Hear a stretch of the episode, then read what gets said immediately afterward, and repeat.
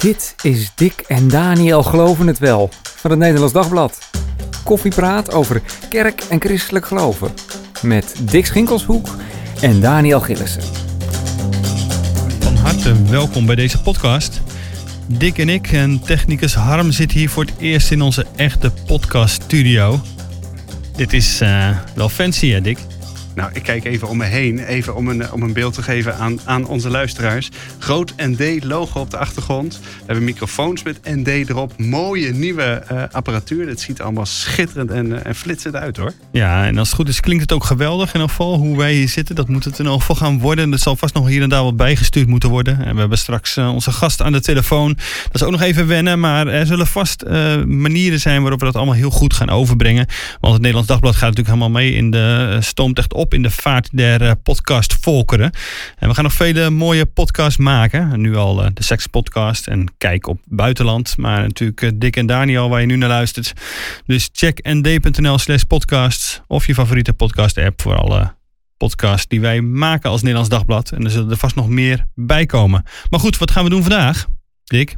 Ja, nou, ik, ik denk dat je ook wel gekeken hebt. Hè? Afgelopen zondag, uh, de heiligverklaring van Titus Brandsma. Zeker. Ik heb daar echt als protestant, nou, toch wel met enige ver, verbazing naar, naar zitten kijken. En ook wel met, met fascinatie. Uh, er waren ook, uh, het is luisteraars van deze podcast. Ja. Ontzettend, die ontzettend graag daar meer over wilden weten. Van, nou, hoe werkt dat nou precies? Dus wij dachten, daar gaan we het maar zo even over hebben. Precies. Titus Brandsma staat centraal, maar eigenlijk de heiligen staan centraal. Hè? Die sowieso van wat is dat fenomeen nou precies? Zo'n katholiek fenomeen zal het voor veel, als je protestant bent, zal het wat katholiek aandoen. Dat je denkt, heilige, heilige verering, hoe zit het eigenlijk ook allemaal precies? Uh, zelfs de NOS besteedde trouwens echt aandacht aan hè, op radio en televisie als het ging om uh, Titus Brandsma. Maar wat kunnen we hier als gelovigen nou mee? En wat betekent dit voor katholieken en wat betekent het misschien voor protestanten? Dat het niet, ja, het lijkt nu een soort vervreemde ervaring, maar misschien zit er wel meer in. Daar gaan we zo uh, over praten. Natuurlijk uh, met uh, Dick Schinkelshoek, mijn, mijn maatje hier. die behalve chef van het team geloof ook, ik zeg nog maar een keer, protestants theoloog is.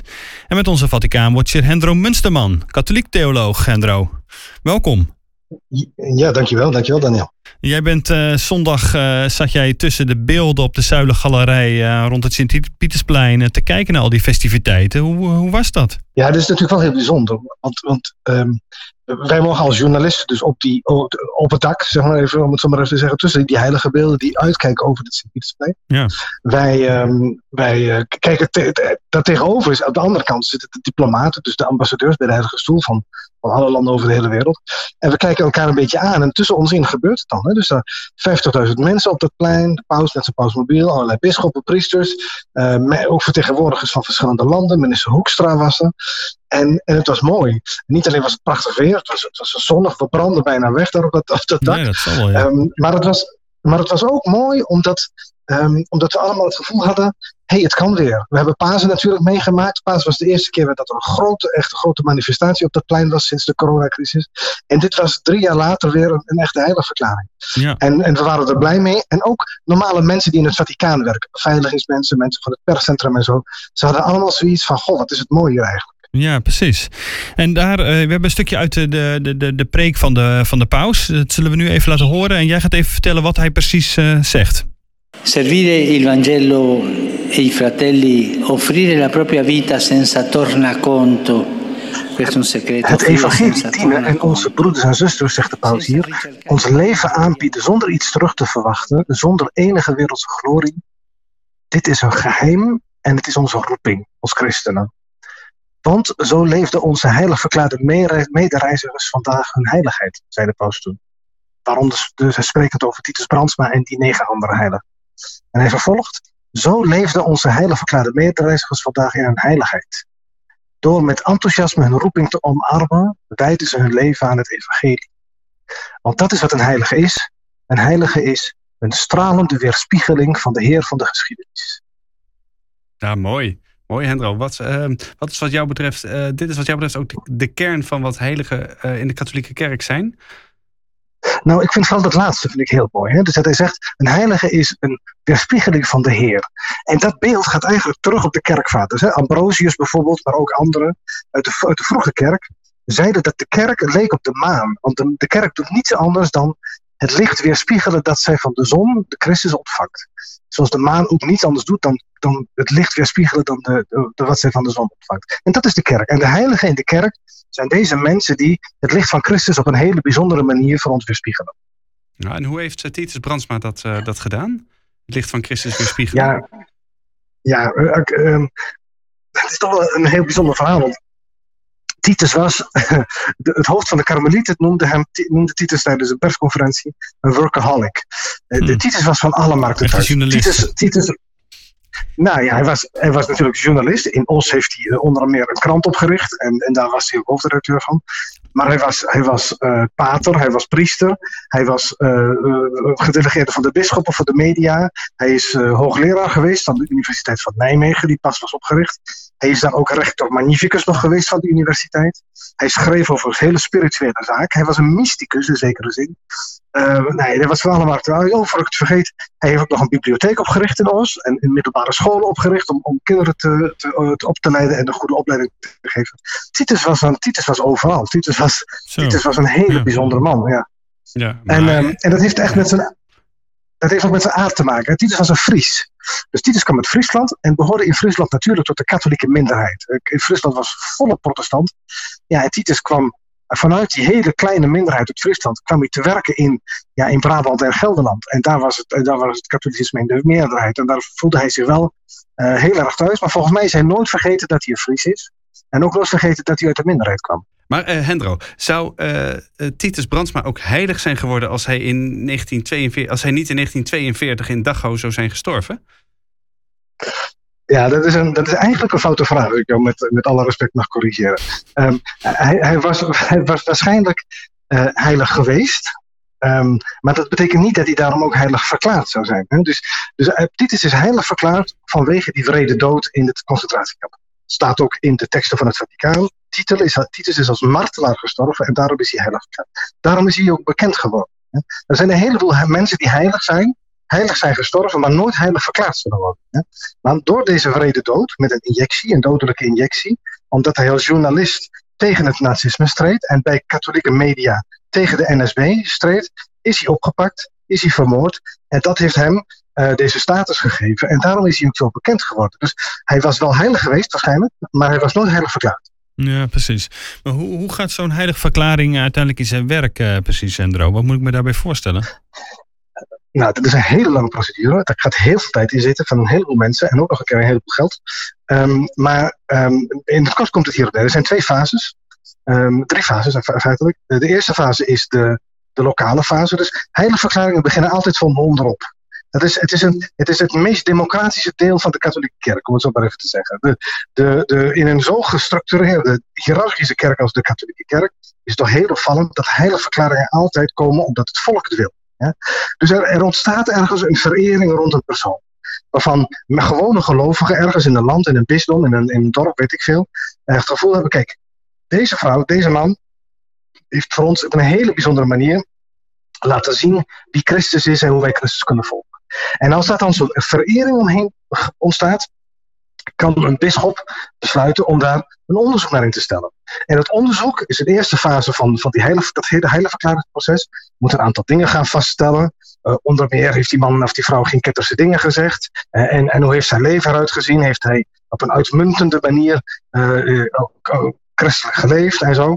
Uh, en dan moet er op een gegeven moment moet er ook gezegd worden, ja, maar uh, dan moet er ook nog een wonder komen. Dus er moet gekeken worden of, het, of op voorspraak van deze heilige, die voor ons in de hemel bidt, of er een wonder uh, kan worden toegekend. Moet en als dat dan allemaal gelukt is. een wonder bewezen worden. Ja, ja, ja er, moet een, er moet een medisch wonder bewezen worden. Nou, en als dat allemaal gelukt is, gaat het naar Rome. En dan, uh, dan gaat alles weer opnieuw. Dus dan, dan gaat er in Rome ook een commissie zich erover buigen. Dat zijn dozen vol met documenten vaak. Um, en, en, en dan wordt dat opnieuw bekeken. En dan gaan opnieuw medici naar kijken. En, en, en allerlei artsen en zo. En die moeten dan opnieuw vaststellen dat het onverklaarbaar is. De, genezing van deze persoon. Die bij, bij de heilige of de toekomstige heilige heeft gebeden om, om, hulp. Om gebed in ieder geval. En, en, en nou, als dat dan gelukt is, dan dan kan deze persoon zalig verklaard worden. Nou, en die zaligverklaring is een soort opstapje, een soort eerste etappe. En dan kan het nog weer een aantal jaren duren, een flink aantal jaren duren, voordat er dan een heilige verklaring komt. Um, en daar heb je dan opnieuw een wonder van. heeft uh, Titus Brandsma ook uh, wonderen gedaan? Nou, de, dus de wonderen worden niet door de heiligen gedaan. De wonderen worden door God gedaan. Je maar op voorspraak van de heiligen. Kom nou. Ja, ja. Ja, maar, um, maar um, met, met alle plezier. Dus bij Titus hadden we maar één wonder nodig, om het zo maar te zeggen, omdat hij als martelaar is gestorven. En als je als martelaar sterft, dan mag je zalig verklaard worden zonder wonder. Dus de eerste stap was voor Titus redelijk snel. En hij is in uh, eh, 35 eh, jaar geleden is hij zalig verklaard. En toen hebben we het er heel lang over gedaan om, om een wonder te krijgen. En het eerste wonder, een, eerste wonder is afgekeurd door het Vaticaan. Dus die, de, commissie vond dat dat niet helemaal waterdicht was. En toen, toen kwam er een tweede wonder, ook uit Amerika, opnieuw uit Amerika aanzetten. En dat is wel goedgekeurd. Nou, en toen, en toen uh, kon de paus dus zeggen, dat is dan de laatste fase van de, hele, van de hele toestand. Dan zegt de paus, jongens, meisjes, ik vind het mooi. Met de hand op mijn hart kan ik zeggen, jullie hebben zo'n goed onderzoek gedaan. Eh, deze vrouw, deze man kan erkend worden als heilige. Even uh, tussendoor, Hendro, Hendro. Om wat voor wonder ging dat bij, uh, bij Titus Brandsma? Daar ben ik dan toch wel nieuwsgierig naar. Ja, dus dit was, uh, dat was een, um, een, een, pater uit, um, een karmeliet, een mede-karmeliet uit de, de, Verenigde Staten, die aan een hele um, ernstige vorm van huidkanker leed. En, en zelf overigens bij de zaligverklaring van Titus Brandsma 35 jaar geleden in Rome aanwezig was een speciale devotie voor, die, voor, voor Titus had, omdat zijn, zijn, zijn theologieleraar was een Nederlandse karmeliet en sprak vlak na de Wereldoorlog constant over Titus. En ja, dus er zijn mensen tot Titus gaan bidden, hij zelf, maar ook heel veel mensen om hem heen. En hij is op uh, wonderbaarlijke, of in ieder geval onverklaarbare wijze van die kanker genezen, zeggen verschillende artsen. Um, uh, echt, echt, dat gaat over, over een stuk of tiental artsen, onafhankelijk van elkaar. Hoogleraar en, en, en hoogleraren van verschillende universiteiten ook. Nou, en, en dan en, en hij, hij, is, genezen, hij is ook nooit ziek geworden. Nou, en dan, en dan, en dan kan hij dus, uh, dan kan het heilig verklaard worden. Met, met, een, met een wonder van deze aard. Ja. En als je nou kijkt hè, naar wat zo'n uh, zo'n heiligverklaring of zo'n heilige dan betekent voor uh, gewone gelovigen, gaan we even naar luisteren naar mediapriester Roderick van Heugen, die in um, Vaticaanstad tijdens de dag van de heiligverklaring 15 mei sprak met een Friese pelgrim.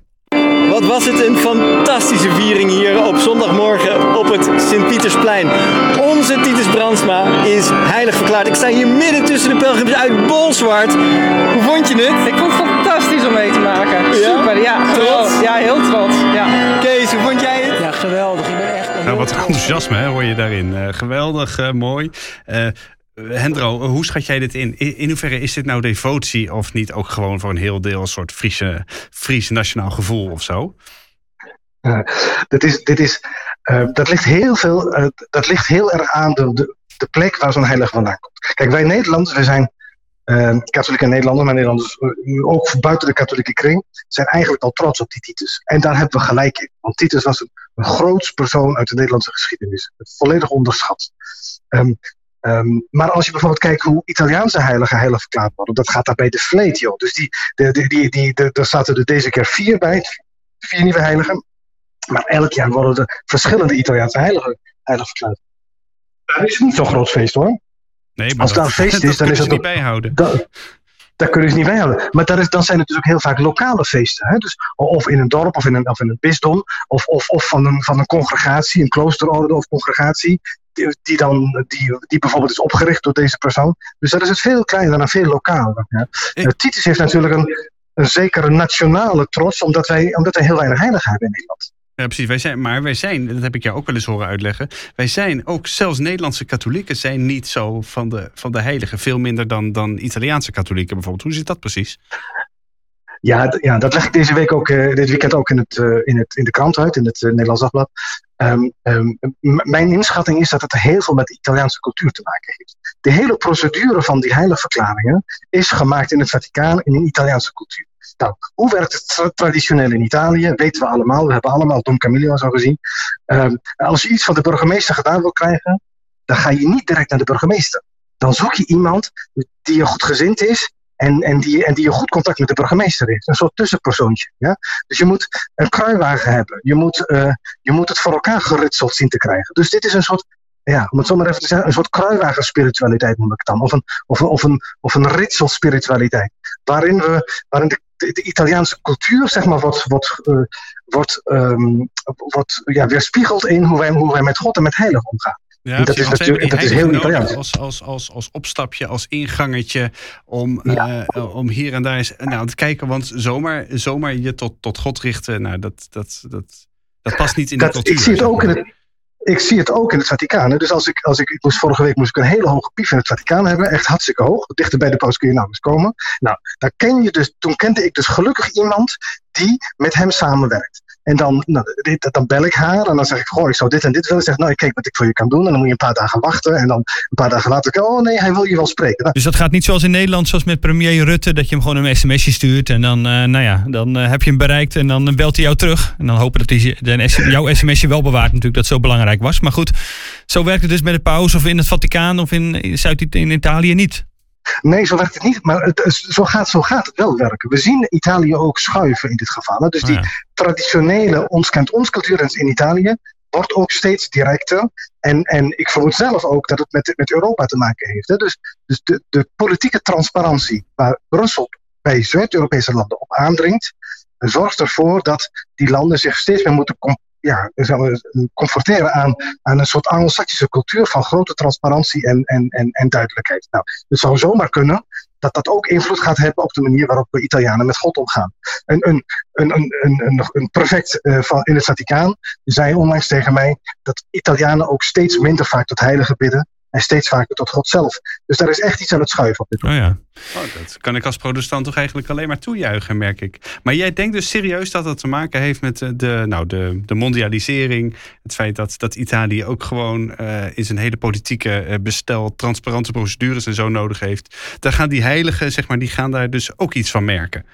In de, in de geloofsbeleving. Dat, ja, ik denk dat dat, dat dat zeker indirect invloed heeft. Maar laten we ook niet onderschatten dat de katholieke kerk de afgelopen decennia ook heel veel heeft gedaan aan haar eigen theologie. Dus sinds het Tweede Vaticaans Concilie hebben we nog meer dan we eerder al deden onderstreept dat Christus de enige middelaar is. En dat al die andere, alle heiligen, eigenlijk niets anders zijn dan uit Christus voortkomend en naar, Christus toeleidend. Dat is, dat is in onze theologie was het eigenlijk altijd al zo. In onze praktijk was het verreweg uh, was, het, was het heel vaak afwezig in heel veel defensiepraktijken. Maar we zien toch wel dat, dat, dat langzaam die theologie toch wel begint ook door te dringen in het bij het gelovige volk. Ja. Nou ja, dat is precies een beetje het punt waar we het ook over willen hebben. Hè? Dat verschil tussen katholieke en protestantse beleving als het om, om heiligen gaat. Hè, wij maken als christen deze podcast. En je hebt in de, in de christen, uh, heb je drie uh, stromingen binnen het christendom. De katholieken, de protestanten en de orthodoxen.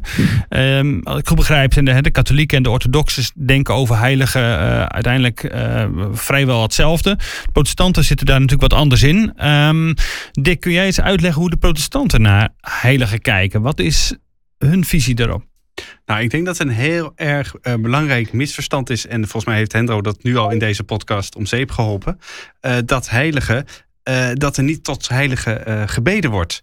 Hè, ik bedoel, uh, ik denk niet dat protestanten het altijd even uh, scherp hebben gehad. Dat katholieken zich niet uh, heiligen aanbidden, maar zich tot heiligen richten, hè, heiligen ja. aanroepen. Maar zelfs, zelfs als je het alleen maar zou beperken tot het aanroepen van de, van de heilige Antonius bijvoorbeeld, of, of de heilige Titus dus in dit geval, dan zijn er toch wel allerlei bezwaren te noemen hoor, vanuit protestantse optiek. Ik heb de, de Nederlandse geloofsbelijdenis er eens even bij gepakt. Bij Kijk, een belangrijk belijdenisgeschrift binnen de protestantse traditie. Absoluut, uit de 16e eeuw. En daar zie je dat hij deze hele praktijk van het aanroepen van heiligen... Uh, uh, ontzettend sterk uh, veroordeelt. Hè? Artikel 26 van de Nederlandse geloofsbelijdenis... van de enige voorbidding van Christus staat daar, staat daarboven. En die, uh, die, de, die, de Nederlandse geloofsbelijdenis redeneert gewoon zo van... ja, als wij nou een andere middelaar moeten zoeken, staat er dan... die ons goed gunstig zou zijn. Wie zouden wij nou kunnen vinden die ons meer beminde... dan hij die zijn leven voor ons gegeven heeft? Dus, dan, dus Jezus. Ja, de, de, de zegt zelfs dat, de, de Nederlandse geloofsbelijdenis zegt, zegt zelfs dat het aanroepen van heiligen uh, eigenlijk een kwestie van wantrouwen is. Hè? Want je, uh, dat je daarmee de heilige zelfs onteert in plaats van eert. Uh, doordat je dus iets doet, staat er dan wat zij nooit gedaan of verlangd hebben. Hm. dus het is niet nodig. Je hoeft helemaal niet tot heilige te richten. Je mag rechtstreeks tot God. Iets wat de Italianen dus nu dus blijkbaar op dit moment ook aan het ontdekken zijn. Uh, het is zelfs, maar het is zelfs een, een, een, belediging. Het is een belediging voor de heiligen en de martelaren... dat we nu op deze manier met ze omgaan, zegt de Nederlandse geloofsbelijdenis. En het is ook zelfs een belediging van, uh, van Christus. Maar is dat ook niet eentje die wel inhaakt op misschien wel de praktijk van toen de tijd, maar als je het nu nou ja, Hendro zo over hoort praten, dat het veel meer op elkaar begint te lijken? Ja, en uh, het is natuurlijk ook, ik bedoel, die hele redenering van Nederlandse geloofsleiders is, uh, natuurlijk gaat aan de ene kant tegen die hele volksdevotie in, Ja. waar het inderdaad gewoon, uh, nou, dat is een vorm van afgoderij was. Maar, maar aan de andere kant zeg je, is dit niet wel, is dit niet ontzettend streng geredeneerd? Want als je de redenering die dus in artikel, in artikel 26 staat, als je dat toepast, dan zou dat betekenen dat zelfs iedere vorm van voorbeden dus uh, verdacht is. Dat ik zelfs niet aan jou zou kunnen vragen om als ik een probleem heb, dat jij voor mij, Daniel, zou, uh, zou, zou kunnen bidden. Dat wil ik doen, Dick. Ja, maar, nee, precies. Maar, maar dat, dat, dat, dat, zou dan ook niet meer mogen, zeg nee, maar. Precies. Omdat dat een soort middelaarsfunctie is of zo. Ja, precies. Want ik kan me ook... Ik rechtstreeks tot God wenden. Dus ja. waarom heb ik dan de voorbeden in de kerk nog, Ja, precies. Uh, nog nodig? Wat ook een belangrijk onderdeel is, de voorbeden binnen protestantse traditie. Absoluut. Of ook binnen katholieken. Ja. Uh, kijk, wat natuurlijk, wat natuurlijk altijd wel weer een punt is, dat natuurlijk die, die heiligen, die zijn natuurlijk overleden. Uh, mm -hmm. Stuk voor stuk. Hè? En dan, dat er toch dan ergens een gevoel is van... hey, hebben die dan een directer lijntje met, uh, met God? Kijk, je kunt natuurlijk wel geloven dat, dat de, de doden nog ergens onder ons zijn. Hè? Christenen geloven in het eeuwige leven. Uh, maar zijn die doden dan ook betrokken bij ons? En zelfs als ze bij ons betrokken zijn, kunnen wij ze dan aanroepen? Heeft dat, heeft dat, heeft dat zin? Of, dat zijn allemaal, allemaal vragen die, uh, nou ja, die in elk geval in de, in de, in de protestantse traditie het heel erg hebben meegespeeld bij het afwijzen van het aanroepen van, uh, van heiligen. Al valt mij op dat Calvijn, die daar in zijn institutie, de grote, de grote voorman van de, mm -hmm. van de traditie, die heeft, uh, die heeft een boek geschreven, de, de, de institutie. Je hebt hier naast je liggen, zie ik. Ik heb hem maar eens even opge, opgezocht. Uh, en wat mij dan opvalt als hij het heeft over bidden voor elkaar, hè, boek 3, uh, hoofdstuk 20, voor wie, dat, voor wie dat allemaal wil nazoeken, dan zegt hij juist dat het wel heel erg hoogmoedig is om van jezelf uh, te denken dat jij geen voorbeden van anderen nodig zou hebben. En Calvijn hmm. beperkt dat niet tot, uh, tot de op dat moment naast jou levende uh, christenen. Zo. Dat is wel weer. Dat is wel weer je houdt ook ruimte eigenlijk voor heiligen. Ja die voor je bidden. Ja, het, een soort het van. probleem is volgens mij uiteindelijk dat het, uh, dat het strijdt met de protestantse genadeleer. Dus dat het, het idee hè, dat, uh, dat er betere mensen zijn dan, dan anderen in de, in de ogen van God. We, we, hmm. we allemaal zondaren zijn, we hebben allemaal Gods genade nodig. En misschien heeft de een iets meer Gods genade nodig dan de andere. Maar uiteindelijk zijn we, zijn we allemaal hetzelfde. Ja. Er zijn geen betere mensen die op grond van het feit dat ze beter waren, dus een streepje voor hebben. Uh, bij God. Ik denk dat daar een heel belangrijk, heel belangrijk bezwaar zit. En omgekeerd, dat uh, de idee is dat eigenlijk, en dat hoorde ik Hendro nou eigenlijk ook alweer zeggen, dat iedereen die gedoopt is en die gelooft een, een heilige is. De, uh, Paulus schrijft aan de, uh, aan de heiligen van die en die en die gemeente hè, in het Nieuwe Testament. Nou, dat is daar, dat is daar alweer een, een, een, een aanwijzing voor. Ja. Hoe zit jij, luister jij naar, Hendro? Ja, nee, ik herken heel veel hoor. Um, um, tegelijkertijd, dus inderdaad, uh, om met het laatste te beginnen. De katholieke traditie heeft dus de term heilig, uh, is die, die, die, bijbelse term op twee verschillende manieren gaan gebruiken. Dus die bijbelse term heilig als zijnde synoniem voor alle gedoopten, alle gelovigen, alle leden van de kerk. Mm-hmm. Uh, nou, nou, maar daarnaast is heilig dus ook een, een soort term geworden waar we de uitzonderlijke onder ons mee zijn gaan aanduiden. Hè? Dus de, de, de, de, de meest, en, en in zeker, later werd het ook de meest perfecte. Ja? Dus terwijl een heilige al, niet, al, niet altijd helemaal perfect hoeft te zijn. Dat weten we uit de geschiedenis ook wel. Hè? Uh, um, dus dat, dat is een belangrijk punt. Um, wat, nog, wat nog wel interessant is, vind ik zelf, is ook een beetje in reactie op wat Dick zegt uit de protestantse traditie. In de Bijbel hebben we geen directe aanwijzing voor aanroeping van heiligen. Er staat nergens, dat moet je doen of dat kun je doen. Het, het, is, er wordt gewoon niet over gesproken. Het is een, het is een non-issue in zekere zin. Maar dan staat er in de Jacobusbrief bijvoorbeeld, um, prachtige zin, de vijfde, hoofdstuk, um, een, het gebed van een rechtvaardige vermag veel, schrijft Jacobus. Het gebed van een rechtvaardige vermag veel. nou, de, de, gereformeerde, uh, de gereformeerde rechtvaardigheidsleer uh, of genadeleer zou daar ook problemen mee hebben, zou ik dan zeggen, Mm. als ik een tik in de ogen kijkend. Ja? Uh, want want Nee, schijnbaar is het dus. nee, maar je, snapt wat ik bedoel. Hè? Dus nou, de katholieke kerk zegt: wie zijn er nou gerechtvaardigd? Wie zijn er nou echt rechtvaardig? Dat zijn, dat zijn deze uitmuntende mensen die, die, die, al, die al bij God zijn. En, dat, en dat, wij katholieken wij hangen dat ook op aan een ander vers uit, de, uit het Nieuwe Testament, uh, uit de Hebreeënbrief deze keer, um, waar de schrijver zegt, spreekt over een wolk van getuigen. Ja, wij zijn omgeven door een wolk van getuigen. Dat zijn de vrouwen en mannen die ons in geloof zijn voorgegaan. En die deel uitmaken van die kerk. De kerk is een gemeenschap van heiligen. En die, en, en, en en die ook vanuit waar ze nu zijn, dus bij God, nog steeds deel uitmaken van die gemeenschap van Christus, van het lichaam van Christus, waar wij alle mee verbonden zijn. Nou, dat zijn twee, twee belangrijke teksten in, de, in het katholieke manier van, van denken over heiligen. Dus dit, zijn, dit is de wolk van getuigen, waarin sommigen van hen een hele bijzondere plek in hem innemen, omdat ze ons zo tot voorbeeld kunnen zijn nu. En, en, en hun gebed, omdat zij rechtvaardig zijn, verwacht veel.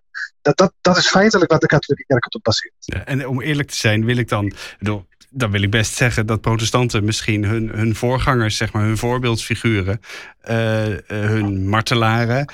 Uh, nou ja, het is ook wel eens een beetje vergeten zijn. En dat er ook best wel wat meer wat meer wat dat betreft zou, zou mogen aan dankbaarheid, uh, inspiratie, voorbeeldfiguren die hmm. genoemd worden in de dienst. Dat je niet alleen, wat is het met de kerk van alle tijden, maar ook van, uh, van, van alle plaatsen je, uh, je geloof beleidt. En als ik jou dat zo hoor uitleggen, dat ook eigenlijk dat de katholieke kerk vooral die, die heiligen ontdekt, zeg maar, in plaats van ze zelf uh, aanwijst. Zelf aanwijzen, zelf ja. uh, creëren. Benoemd, creëert. Ja. dan denk ik, daar kan ik als protestant op zichzelf prima mee leven.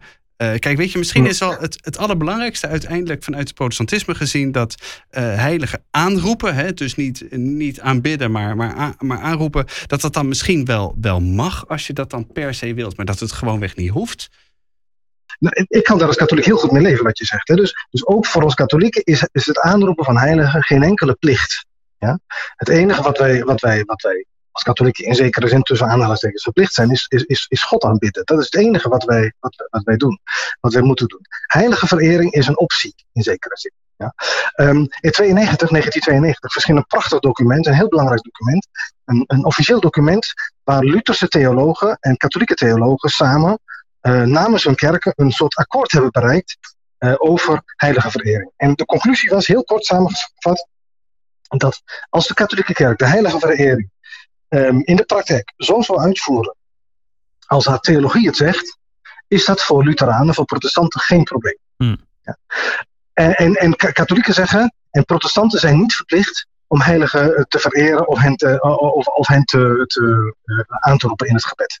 Dus dat, de, de hele heilige verering is volgens deze Lutherse en katholieke theologen, een officiële commissie van beide kerken, geen kerkscheidend element meer. Er zijn nog allerlei andere dingen waar we het als protestanten en katholieken niet over eens zijn, maar dit hoeft het feitelijk niet te zijn. Het is een, het is een optie die weliswaar niet bijbels is, in de zin van dat het niet in de Bijbel staat, maar, zeggen dan de Lutheranen, het is ook niet tegen Bijbels. Het is niet anti-Bijbels. Het gaat niet in tegen de Bijbel. Er zijn in de Bijbel een aantal aanwijzingspunten waarop je je zou kunnen baseren om het toch te doen. Op de voorwaarde natuurlijk dat Christus altijd in het centrum blijft. Nou, kijk, met dat laatste eh, kan ik natuurlijk als protestant uh, meer, dan goed, meer dan goed leven. Amen. Maar, maar, wat, jij, wat, je, maar wat je verder nog, eh, nog erbij zegt, dat is natuurlijk wel cruciaal, dat, uh, dat het gaat om de officiële katholieke uh, theologie. Ik denk dat heel veel protestants onbegrip niet zozeer de officiële katholieke leer betreft, maar vooral het, het, het volksgeloof. Hè? Dus dat er toch wel weer stiekem een heel, een heel stel extra goden bij, bij gemaakt worden. En uh, bedoel, ja, en dan denk ik, uh, zou daar dan niet, uh, zou de katholieke kerk daar dan niet wat, wat, wat, wat strenger tegen kunnen, tegen kunnen optreden? Ja, dat, ook dat heeft, wat mij betreft, heel veel, dat is heel cultureel bepaald. Ook, hè? Dus die, dat gewoeker met heiligen, dat, dat, dat bijna buitenzinnige, dat door het, door straten slepen van heilige beelden. Met kaarsen en, en processies en zo. Dat is heel Zuid-Europees. Dat ja. ja, dat. Nou goed, dat past niet bij onze cultuur. Dat, wij herkennen ons daar heel moeilijk in. Katholieke processies in Nederland zijn ook altijd een beetje ongemakkelijk. Je hebt altijd het gevoel van, ja, moet dit nou allemaal? Terwijl als je er in Italië tussen loopt, is het prachtig. Ja? Ja. Nou, dus ik denk dat het een, een, belangrijk cultureel element is. Het is wel waar, en dat ben ik helemaal met je eens, Dick. Um, wij als katholieke kerk, we moeten heel erg investeren in het kanaliseren van deze volksdevotie. Deze volksdevotie houdt het geloof bij mensen wakker. Dus het is, het is goed, we moeten, dat, we moeten dat behouden. Maar we moeten het wel zo doen dat het tot Christus leidt. Hè? En dat, het, dat, dat Christus in het centrum blijft staan. En dat is lang niet altijd het geval. Ik heb in de krant, die heb ik een paar keer al geschreven over um, um, geïnstitutionaliseerd bijgeloof. Nou, voor een, aantal katholieken is het dat in zekere zin. Het, is een, het zijn vormen van bijgeloof waarin de heilige de plaats van Christus innemen, of van de Heilige Geest, of van God de Vader. En, en deze gelovigen hebben dat feitelijk zelf vaak niet in de gaten. Nou, de lieve God weet daar vast wel mee te handelen, denk ik dan. Ja? Maar het zou, het zou nog mooier zijn als wij als kerk dat beter, beter weten te kanaliseren dan we vaak op dit moment nog doen. Nou, nou dan lijken we protestanten en katholieken elkaar hier dan toch wel inderdaad in te vinden, zoals in 1992 ook al is uh, gebeurd. En het mooie is, uh, Dick, dat we in de zomer, uh, wij als Nederlands Dagblad, ook de protestanten, protestantse heiligen wat meer op het, voor het voetlicht gaan brengen, begreep ik. Ja, we gaan, we gaan werken aan een echte protestantse heilige kalender. Uh, waarin we uh, eigenlijk willen, uh, om al die grote protestantse voorbeelden. Dus dan komt Calvijn en Luther daarin en zo? Nou, we, we, die, komen daar, die komen daar zonder meer in. Maar wat, waar, waar, we natuurlijk vooral op zoek zijn, is, dat, zijn die bijzondere verhalen. Ja. Ook de martelaren. Ik vind eigenlijk dat de mensen die voor hun geloof gestorven zijn, toch wel een streepje, een streepje voor hebben in die kalender. en in elk geval. En uh, nou, daar, willen we, daar willen we als krant in de zomer uh, een project van gaan, uh, van gaan maken. Ja, dus meer heilige, als je dat ook weer wil volgen. Nou, neem een abonnement op het Nederlands Dagblad, juist ook in de zomer, om jezelf daarmee een, een, dienst te bewijzen. Want dat is het, een krant lezen, ook jezelf die een dienst te bewijzen. ga dan naar nd.nl slash abonnement. En voor 1,75 in de week, digitaal, lees je het Nederlands Dagblad. Kun je alles wat Hendro, Dick, de hele heilige kalender die in de zomer wordt gepubliceerd, kun je volgen. En dat is meer dan de moeite waard, zegt hij van WC Eend. Um, volgende week, Dick, spreken we met David Bos, godsdiensthistoricus, over seks en de kerk. Dat eigenlijk alles naar aanleiding van een onderzoek dat we als Nederlands Dagblad hebben uitgevoerd onder studenten over hun uh, seksuele ontwikkeling en hoe, op welke manier ze daarmee omgaan. We spreken ook dus inderdaad hoe de kerk dat eigenlijk op kan pakken. Dat volgende week. dus we hopen dat je dan ook weer luistert. Tot de volgende keer.